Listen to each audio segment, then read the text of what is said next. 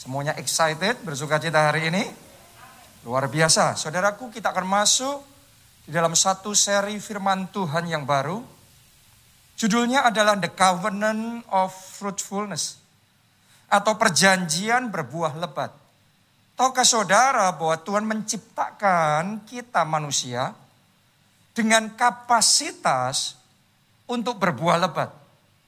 Dengan kapasitas untuk hidup kita produktif. Mari kita baca kejadian 1 ayatnya yang ke-28. Ini adalah kisah ketika pertama kali Tuhan menciptakan manusia. Ditulis begini. Allah memberkati mereka. Lalu Allah berfirman kepada mereka, tolong perhatikan, beranak cuculah.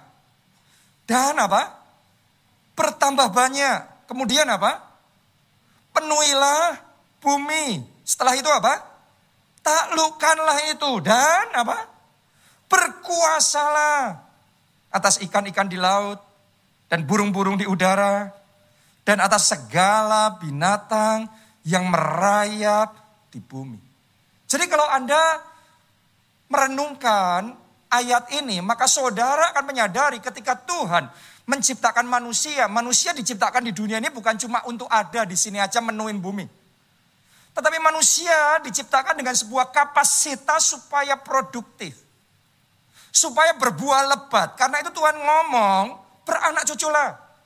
Kamu bertambah banyak. Jadi ada kapasitas untuk bertambah banyak, untuk memenuhi, untuk menaklukkan, untuk berkuasa.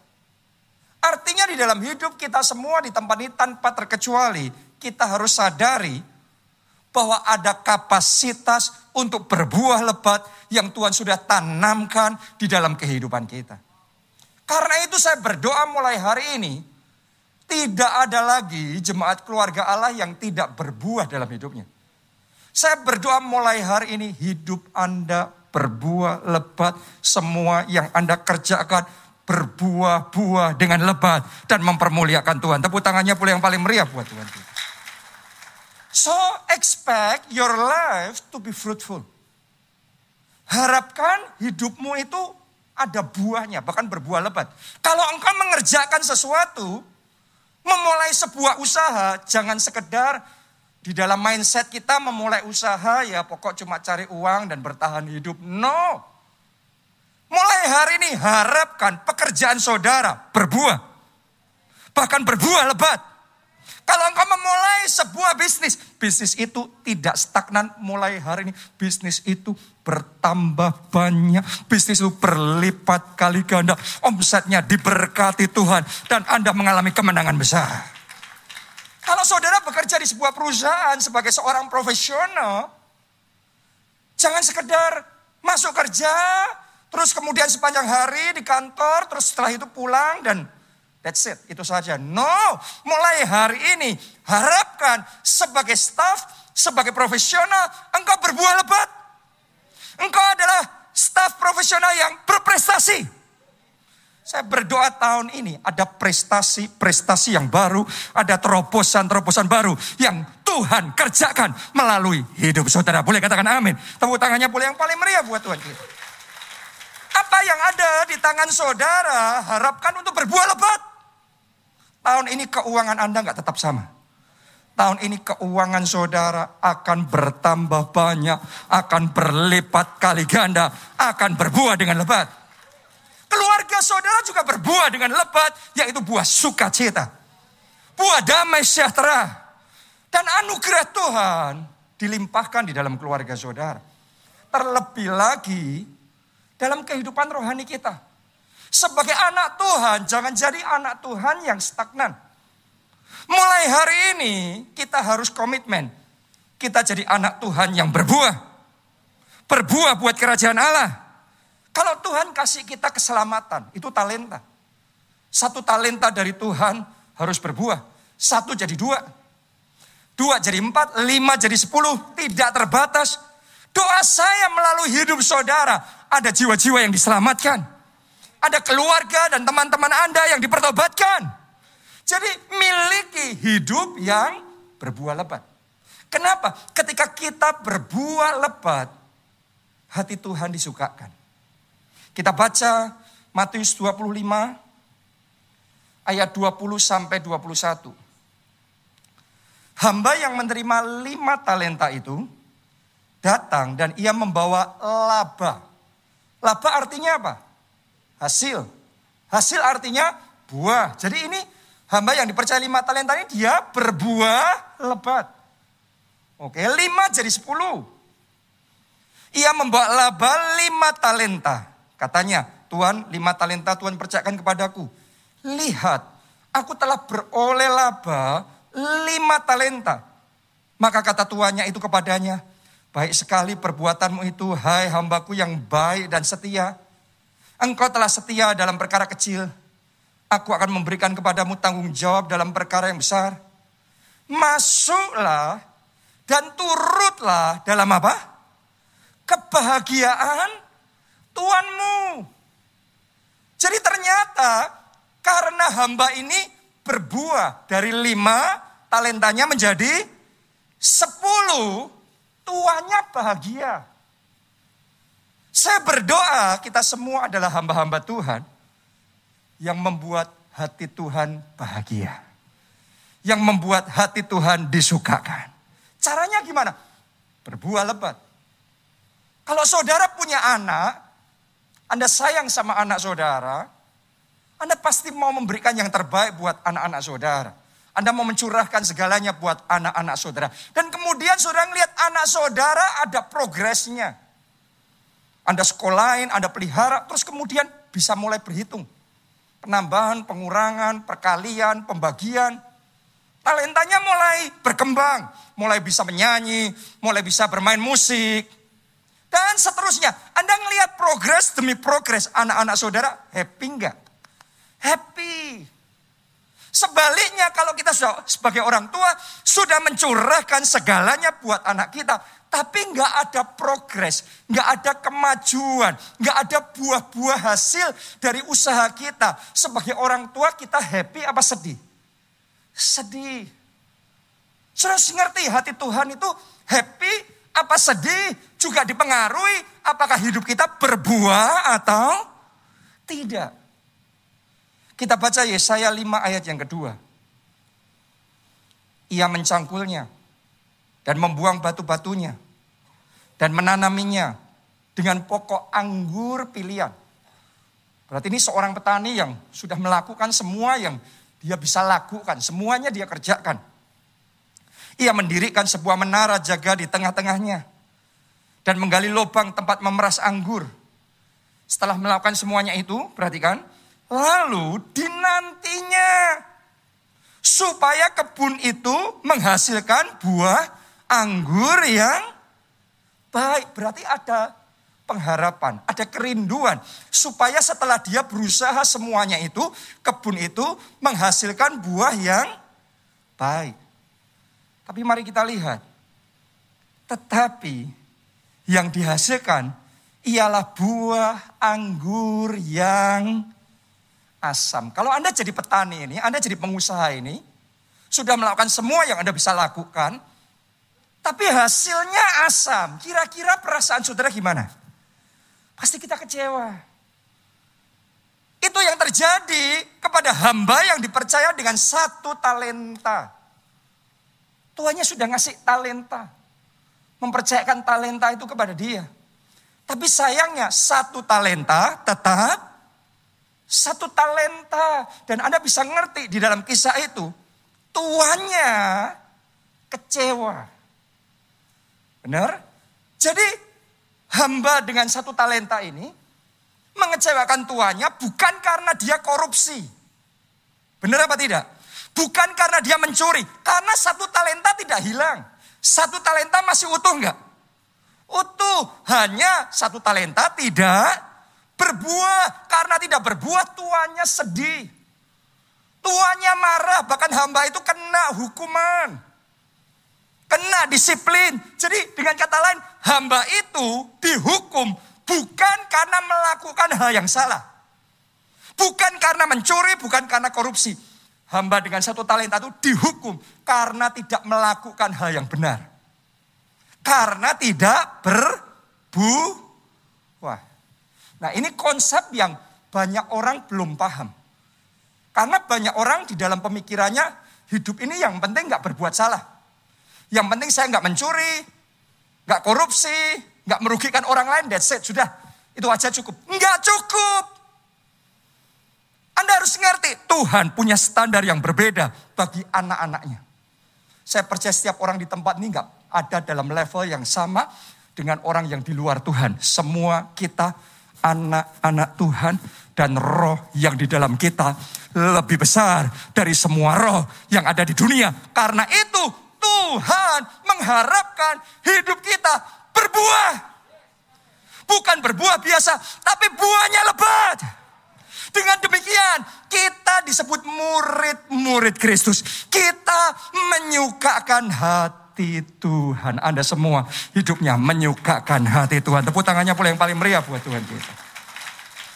Karena itu sepanjang bulan ini kita akan belajar tentang yang namanya the covenant of fruitfulness.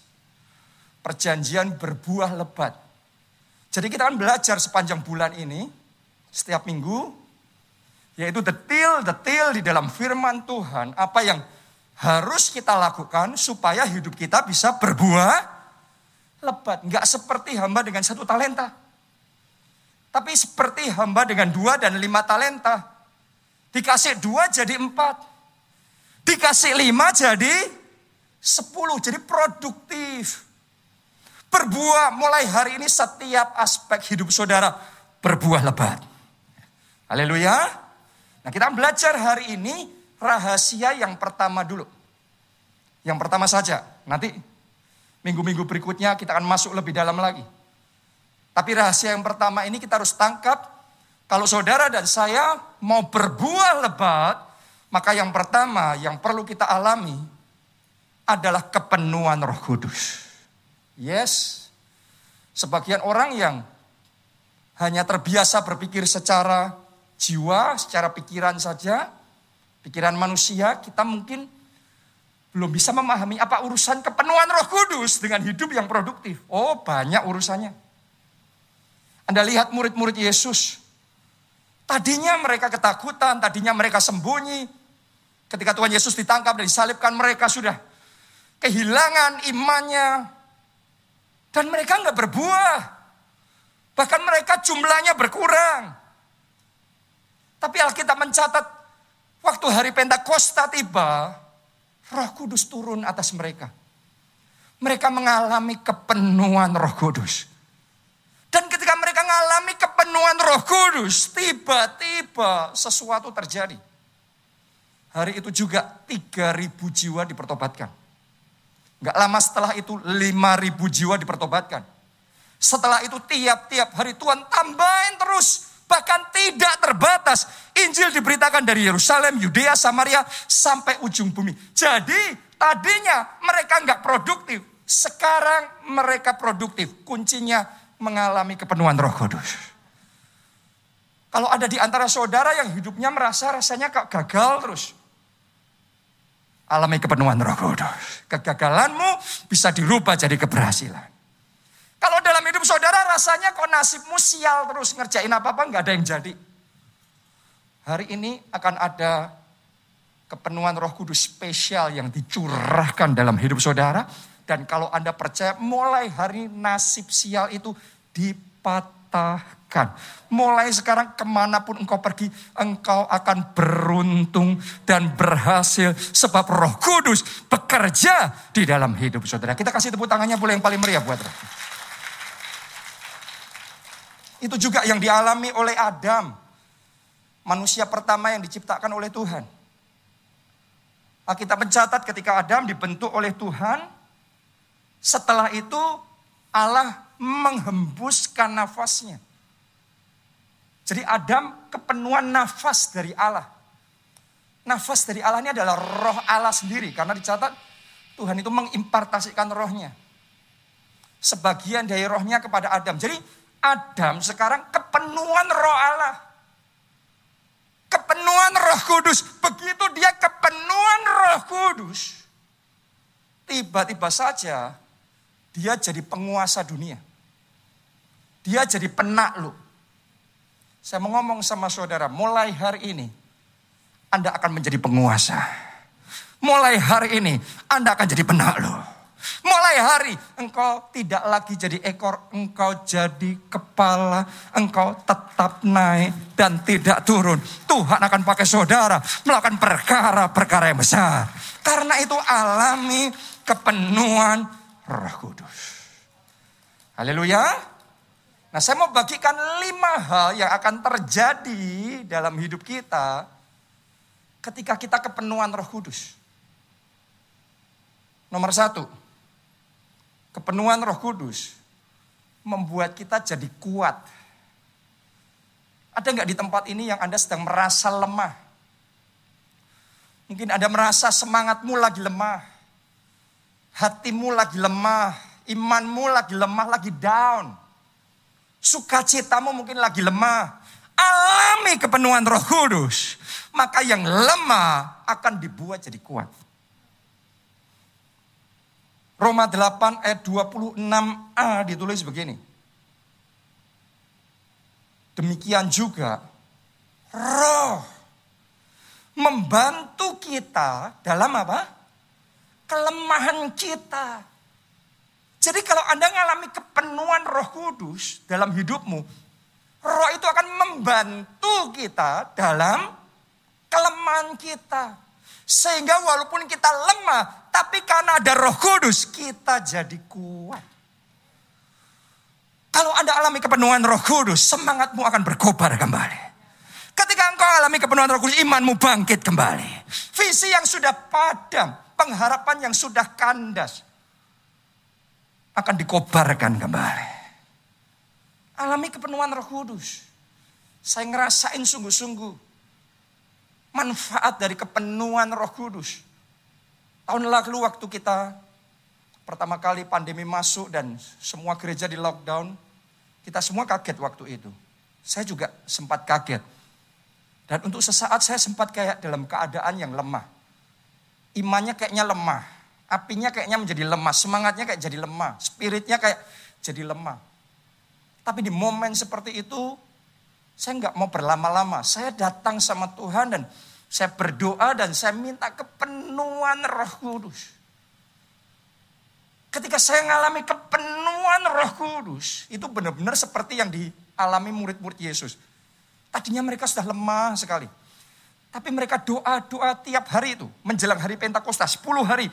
Mereka doa, doa, doa. Dan kemudian di satu titik roh kudus tercerah, tercurah. Tiba-tiba ada lidah-lidah api di atas kepala setiap mereka. Tiba-tiba mereka bangkit dalam iman. Tiba-tiba ada ledakan rohani yang terjadi. Persis seperti itu yang saya alami. Dan begitu bangkit dalam iman. Tuhan kemudian mulai bawa untuk berani melakukan hal-hal yang tadinya kita nggak berani lakukan. Jadi butuh breakthrough, butuh terobosan. Sampai akhirnya kita buka kembali ibadah onsite. Kita akhirnya mulai lakukan gebrakan-gebrakan dan terobosan-terobosan di masa pandemi ini. Terjadinya karena mengalami kepenuhan roh kudus. Sehingga yang lemah jadi kuat. Yang tadinya saya takut jadi berani. Hari ini saya berdoa kepenuhan roh yang sama bahkan lebih dari itu tercurah dalam hidup saudara. Sehingga mulai hari ini kelemahanmu dilenyapkan, dirubah jadi kuasa Tuhan, jadi kekuatan dari atas yang tercurah dalam hidup saudara. Maka roh itu akan membantu di dalam kelemahan kita. Mulai hari ini capek saudara lenyap. Haleluya. Stres saudara lenyap. Depresi saudara lenyap Mulai saat ini sukacita yang baru, semangat yang baru, roh yang baru dinyalakan dalam hati saudara. Katakan amin, amin. Tepuk tangannya yang meriah buat Tuhan kita. Yang kedua, kepenuhan roh kudus membuat kita bisa melakukan perkara besar. Ini penting. Kenapa? Karena banyak orang merasa dalam hidupnya hanya mampu mengerjakan urusan kecil. Jadi mulai hari ini alami kepenuhan roh kudus. Maka apa yang ada di tanganmu akan di-upgrade. Yang kecil akan jadi besar. Yes. Yes kok bisa mungkin Anda tanya. Yesaya 11 ayat yang kedua. Roh Tuhan ada padanya. Jadi mengalami kepenuhan roh kudus. Ketika itu terjadi, apa yang dialami? Roh hikmat dan pengertian. Roh nasihat dan keperkasaan. Roh pengenalan dan takut akan Tuhan. Jadi ketika dia mengalami kepenuhan roh kudus, berbagai macam dimensi roh kudus itu diberikan dalam hidupnya. Tadinya dia jalan dengan kekuatan sendiri, tapi sekarang ada kuasa roh kudus bekerja dalam hidupnya. Tadinya dia bertindak ambil keputusan dengan pikiran sendiri, tapi sekarang ada roh nasihat ada tuntunan ilahi. Ada petunjuk dari Tuhan. Jadi sekarang dia ngambil keputusannya karena dituntun, ditolong oleh roh kudus. Tadinya dia berjuang sendiri. Sekarang ada penyertaan Tuhan dalam hidupnya. Karena itu jangan heran. Yang ngajarin roh kudus. Yang ngasih hikmat roh kudus. Yang ngasih nasihat petunjuk roh kudus. Gimana dia bisa gagal? Dia mulai kecil pun pasti jadi besar. Karena itu kalau saudara mengalami kepenuhan roh kudus, Anda terima hikmat roh roh kudus, petunjuk dari roh kudus, penyertaan dari roh kudus. Engkau akan dimampukan melakukan perkara-perkara besar. Sudah saya nubuatkan tahun ini ada orang-orang di tempat ini. Engkau akan melakukan perkara-perkara yang besar. Skalanya berlipat kali ganda dari yang sedang engkau kerjakan sekarang ini. Boleh katakan amin. Tepuk tangannya boleh paling meriah buat Tuhan kita. Ini yang dialami oleh Musa. Musa dia seorang pelarian. Karena ketakutan dia meninggalkan Mesir. Jadi dia selama sekian puluh tahun ada di padang gurun. Dan dia benar-benar hopeless keadaannya. Urusannya cuma menggembalakan kambing domba yang cuma gak seberapa. Sampai suatu hari dia berjumpa sama Tuhan. Dan saat itu dia mulai mengalami kepenuhan roh Allah dalam hidupnya. Karena dia mengalami kepenuhan roh Allah, tiba-tiba muncul keberanian untuk kembali ke Mesir. Dia dipimpin sama Tuhan, berani ketemu sama Firaun. Berani bicara sama Firaun, diajarin, kamu ngomongnya sama Firaun ngomongnya begini, begini, begini. Yang harus kamu lakukan ini, ini, ini. Dia di backup oleh kuasa Allah. Makanya seorang pelarian yang sudah 40 tahun ngurusinya urusan kecil terus di padang gurun. Tiba-tiba sekarang urusannya bangsa, urusan negara. Tiba-tiba sekarang jadi pahlawan besar yang bisa membebaskan bangsa Israel dari perbudakan Mesir. Mengalami kemenangan yang besar. Kenapa? Karena berjalan bersama dengan Tuhan. Karena alami kepenuhan roh kudus. Kalau saudara mengalami kepenuhan roh kudus, urusanmu nggak terus kecil, akan di-upgrade. Akan diperbesar. Akan ada orang-orang di tempat ini yang skalanya diperbesar. Jadi terang bagi bangsa-bangsa. Jadi berkat bagi bangsa-bangsa. Anda sekarang mikir, nggak itu kejauhan pak. Urusan makan aja susah. Bayar angsuran aja susah. Oh, itu manusia. Tapi kalau roh kudus, dia roh yang tidak terbatas. Dalam sekejap pun dia bisa perbesar kita. Dalam skala yang otak kita nggak nyambung, otak kita nggak mampu sampai ke situ. Tapi dia sangat nyata. Saya rasakan dalam hati saya akan ada orang-orang di tempat ini. Hari ini Anda alami kepenuhan roh kudus. Dan mulai hari ini Tuhan angkat saudara urusan saudara urusan negara. Kapasitasnya bangsa-bangsa. Melakukan perkara yang besar. Proyeknya besar. Kemenangannya besar. Berkatnya besar. Karena itu alami kepenuhan roh kudus. Boleh katakan amin saudaraku. Gembala sidang kita Bapak rohani kita Pak Obaja, tadinya adalah anak remaja yang minder. Karena rambutnya rontok terus, dia dibully di sekolahnya, dia jadi rendah diri. Dia ngerasa gak punya masa depan dalam hidupnya. Dia nggak berani ketemu orang, dia nggak berani bicara sama orang. Sampai suatu hari dia kepenuhan roh kudus. Dia ketemu sama Tuhan. Di situ dipenuhi dengan roh hikmat, roh keberanian, ada roh nasihat, ada tuntunan ilahi, ada backup yang dari Tuhan. Dan Anda lihat seorang remaja yang tadinya madesu, masa depannya suram, gak ada apa-apanya. Hari ini Tuhan pakai jadi berkat bagi bangsa-bangsa. Hari ini Tuhan pakai melalui hidupnya, revival besar, kegerakan besar terjadi. Anda akan heran, akan ada orang di tempat ini satu tahun dari sekarang. Engkau lihat ke belakang, engkau akan heran melihat seberapa besar, seberapa jauh Tuhan sudah membawa saudara. Alami kepenuhan roh kudus. Boleh katakan amin. Tepuk tangannya yang meriah buat Tuhan kita. Anda juga mengalami.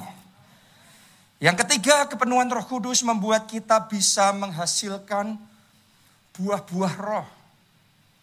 Mari baca dulu Galatia 5 ayat 22 sampai 23. Apa itu buah roh?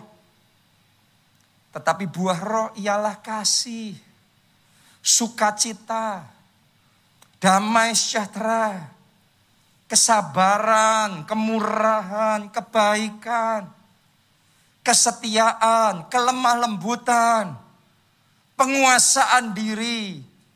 Tidak ada hukum yang menentang hal-hal itu.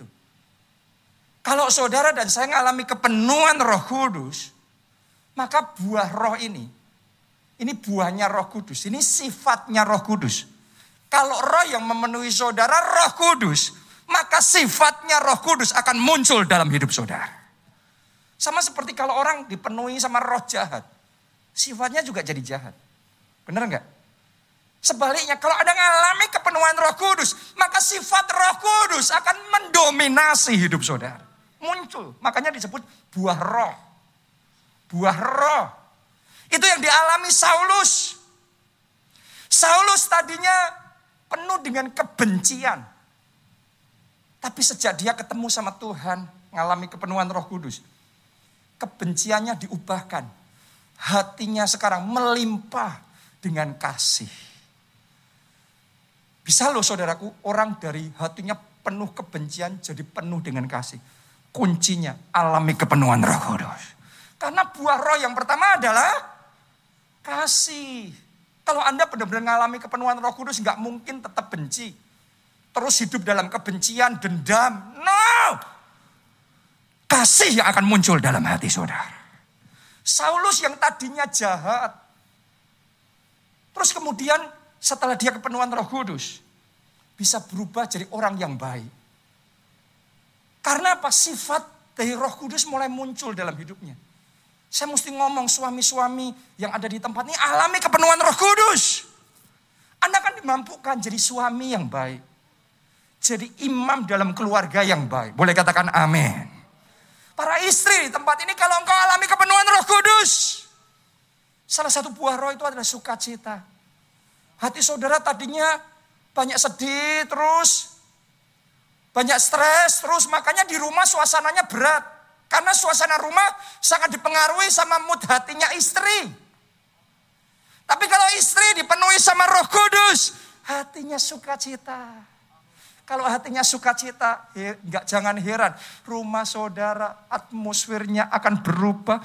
Atmosfernya jadi ringan, atmosfernya jadi indah. Dan penuh dengan sukacita yang berlimpah-limpah terjadilah dalam hidup saudara. Amin. Kuncinya ngalami kepenuhan roh kudus, saudara bisa jadi orang tua yang baik, anak yang baik, bos yang baik, staff yang baik, karena sifat roh kudus muncul dalam hidup kita. Itu yang ketiga. Yang keempat. Kepenuhan roh kudus membuat kita bisa mengerjakan mujizat. Tanpa roh kudus tidak bisa. Tapi dipenuhi roh kudus bisa mengerjakan mujizat. Kisah 10 ayat 38. Yaitu tentang Yesus dari Nazaret, bagaimana Allah mengurapi dia dengan Roh Kudus. Jadi di satu titik Yesus dipenuhi, diurapi dengan Roh Kudus dan kuat kuasa. Lihat, begitu Yesus mengalami kepenuhan Roh Kudus itu berikutnya apa yang terjadi? Ya. Dia yang berjalan berkeliling sambil berbuat baik. Karena itu sifat Roh Kudus tadi ya, kebaikan. Dan apa? Menyembuhkan semua orang yang dikuasai iblis sebab Allah menyertai dia. Anda boleh teliti lagi Alkitab saudara, Anda akan menemukan sebelum Yesus kepenuhan roh kudus, tidak dicatat dalam Alkitab Yesus mengerjakan mujizat. Walaupun dia Yesus. Tunjukkan sama saya, sama saya ayatnya mana. Tapi setelah dia kepenuhan roh kudus. Yesus yang sama yang tadinya tidak dicatat mengerjakan mujizat. Sekarang berkeliling ke mana-mana. Yang lumpuh berjalan, yang buta melihat, yang tuli mendengar, yang mati dibangkitkan. Lima roti dua ikan bisa memberi lima ribu makan, lima, memberi makan lima ribu orang. Sisa dua belas bakul. Dan berbagai macam mujizat keajaiban terjadi. Apa yang membedakan? Yesusnya sama, tapi hasilnya beda. Kuncinya kepenuhan roh kudus. Sama seperti kayak kabel. Kalau kabel, Anda nggak colokin di listrik, nggak ada aliran listriknya, ya lampu nggak nyala, AC nggak nyala, kayaknya nggak ada apa-apanya. Tapi begitu Anda colokkan ke listrik, sekarang aliran listriknya mengalir. Secara kasat mata nggak ada yang berubah, tetap sama kan? Tapi jangan main-main. Jangan sentuh itu. Apalagi kalau ada bagian yang terkelupas, jangan pegang itu. Saudara akan kesetrum kalau nekat pegang itu. Kenapa? Karena kabel yang sekarang ada aliran listriknya. Ini yang membuat AC bisa nyala, lampu bisa nyala, sound system bisa nyala dengan baik. Karena ada listriknya, maka yang tadinya tidak bisa, sekarang jadi bisa. Tolong dengarkan saya, saudaraku. Kita semua ini kayak kabel-kabel di tangannya Tuhan. Kalau saudara terhubung, terkonek sama roh kudus. Tolong dengarkan. Aliran listrik roh kudus akan mengalir dalam hidup saudara. Kalau aliran itu mengalir dalam hidup saudara. Doamu sama. Kata-katamu sama dalam doa itu. Tapi sekarang doamu penuh dengan kuasa. Ketika engkau mengucapkan deklarasi profetik, mujizat terjadi, kesembuhan terjadi, terobosan terjadi. Bukan karena kita yang mampu, tapi karena Roh Kudus tinggal di dalam kita. Ada aliran listrik Roh Kudus. Makanya berapa tahun yang lalu ketika kita ikuti petunjuk Tuhan bangun pondok Daud, Bahkan di semua gereja kita, kita berusaha bangun pondok Daud 24 jam.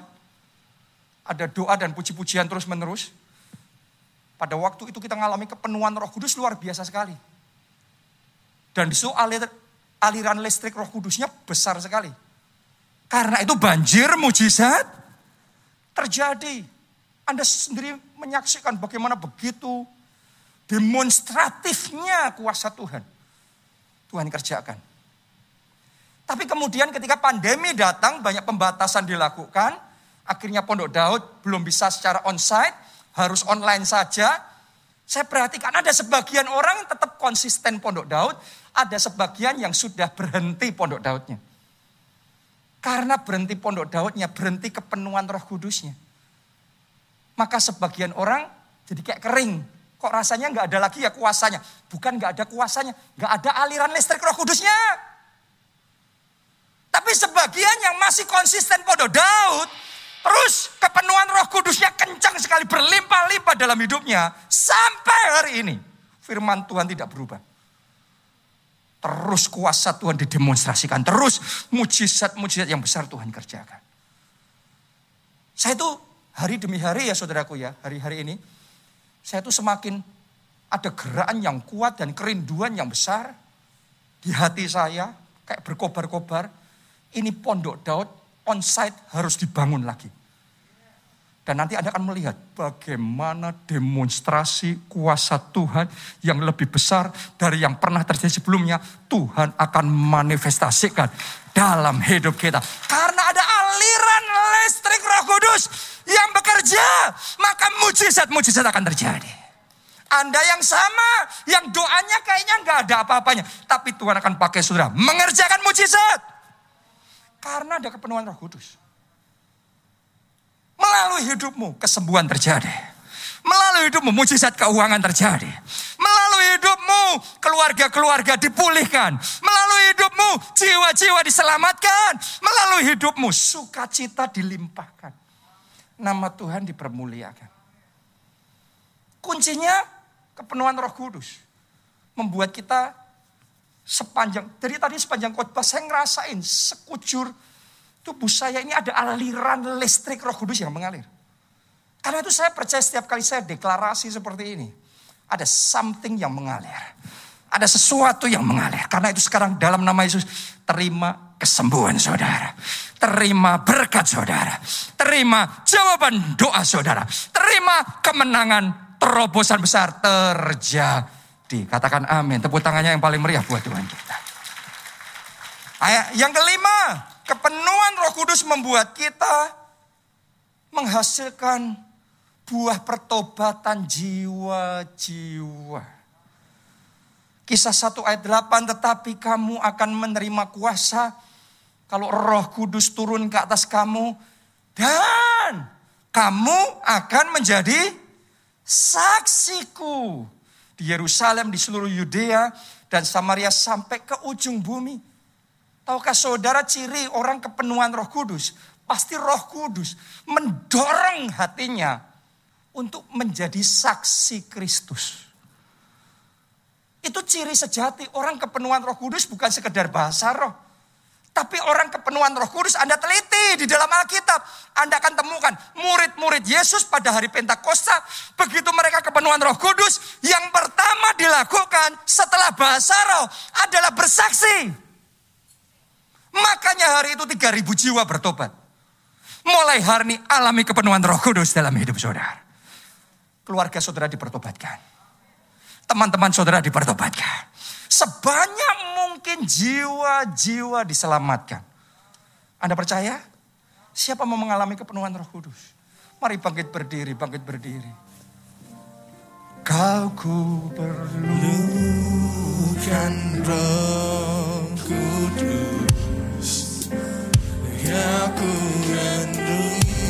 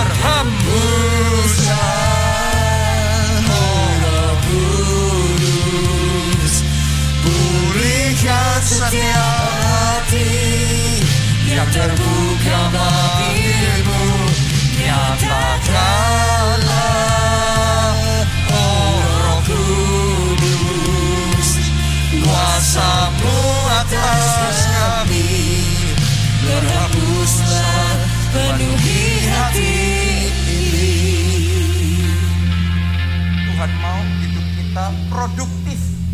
Amen. Karena itu apa pun yang Anda lakukan, mulai hari expect your life to be fruit, productive, fruitful. Ketika engkau melakukan sesuatu jangan jangan sekedar berpikir cuma melakukan dan nothing happen. No, something must happen. Yes, yes. Success must come. Yes. Jadi yang kau kerjakan harus berhasil. Harus jadi, harus bertambah banyak, harus berlipat kali ganda. Karena sejak dari awal Tuhan menciptakan kita, Tuhan menciptakan dengan kapasitas untuk berbuah lebat. Itu sebabnya kalau saudara mau hidup saudara berbuah lebat, yang pertama engkau harus terima Yesus sebagai Tuhan dan Juru Selamat. Awalnya harus Tuhan dulu.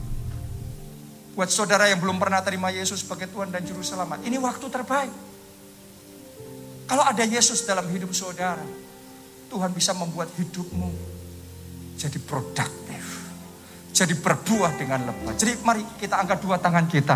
Ikuti doa saya nih, katakan Tuhan Yesus. Tuhan Yesus, Masuklah dalam hidupku. masuklah dalam hidupku. Jadi Tuhan dan Juru Jadi Selamat. Tuhan dan Juru Selamatku. Ampuni dosa-dosaku. Ampuni dosa-dosaku. Selamatkan hidupku. Selamatkan hidupku. Mulai sekarang. Mulai sekarang, Hidupku milik hidupku Yesus. milik Yesus. Dan aku percaya Dan aku percaya, dosa-dosaku sudah diampuni. dosa-dosaku sudah diampuni. Aku sudah diselamatkan. Aku sudah diselamatkan. Terima kasih Tuhan Terima Yesus. kasih Tuhan Yesus. Amin. Mari angkat dua tangan. Masing-masing kita ambil waktu berdoa bagi keluarga kita. Kamu akan terima kuasa. Kalau roh kudus turun ke atas kamu. Dan kamu akan jadi saksiku. Ya, semuanya katakan pakai aku jadi saksimu ya Tuhan. Pakai aku jadi saksimu ya Tuhan.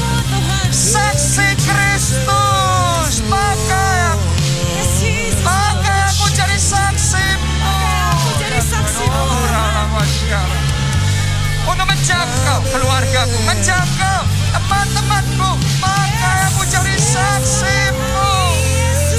Untuk menyelamatkan jiwa-jiwa yang ter pakai pakai hidupku pakai lidahku pakai perkataanku pakai tanganku pakai seluruh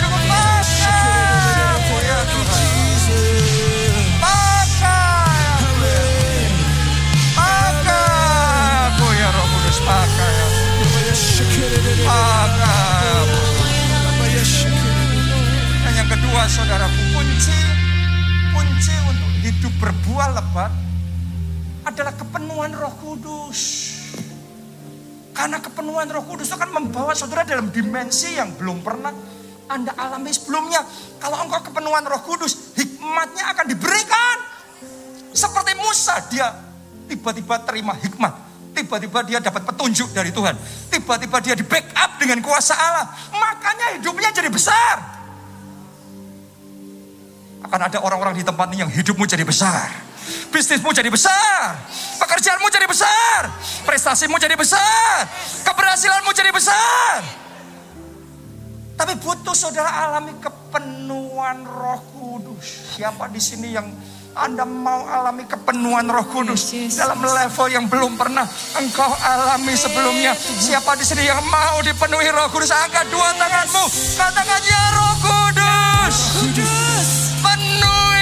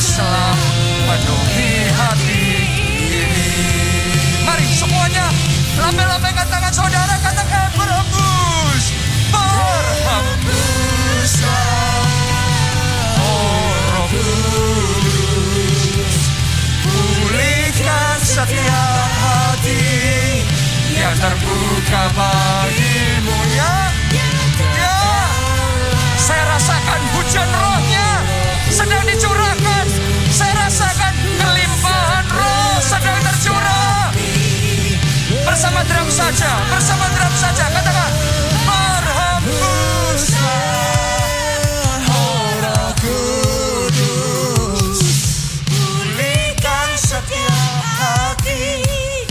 yang terbuka bagimu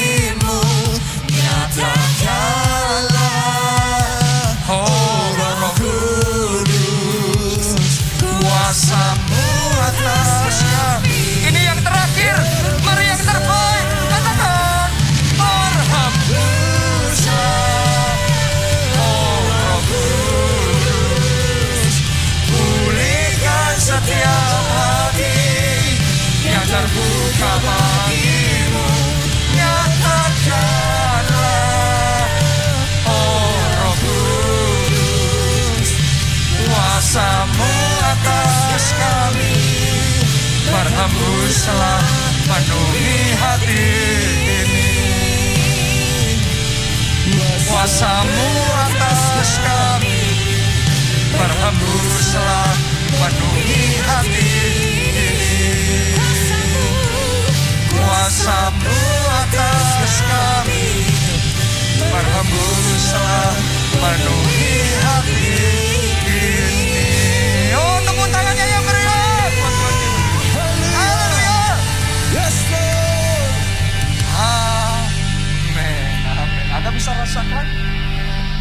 kepenuhan dan kelimpahan Roh Kudus mulai terjadi di tengah-tengah kita.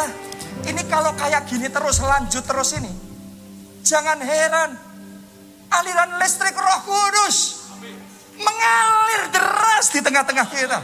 Kalau sudah kayak gitu banjir mujizat jadi sendiri. Karena itu saudara coba bawa dalam dukung dalam doa. Saya juga masih berdoa untuk kita memulai kembali Pondok Daud onsite. Amin. Dengan cara yang aman, protokol kesehatan yang ketat. Kita minta petunjuk dari Tuhan ya. Ini sedang saya bawa dalam doa juga. Dan saya percaya kalau kita dipenuhi dengan roh kudus. Listrik roh kudus itu mulai mengalir lagi. Anda akan melihat hal-hal yang ajaib yang belum pernah terjadi sebelumnya dalam hidupmu. Tahun ini Tuhan Amin. kerjakan. Amin. Tepuk tangannya pula yang meriah buat Tuhan kita. Angkat dua tangan saudara.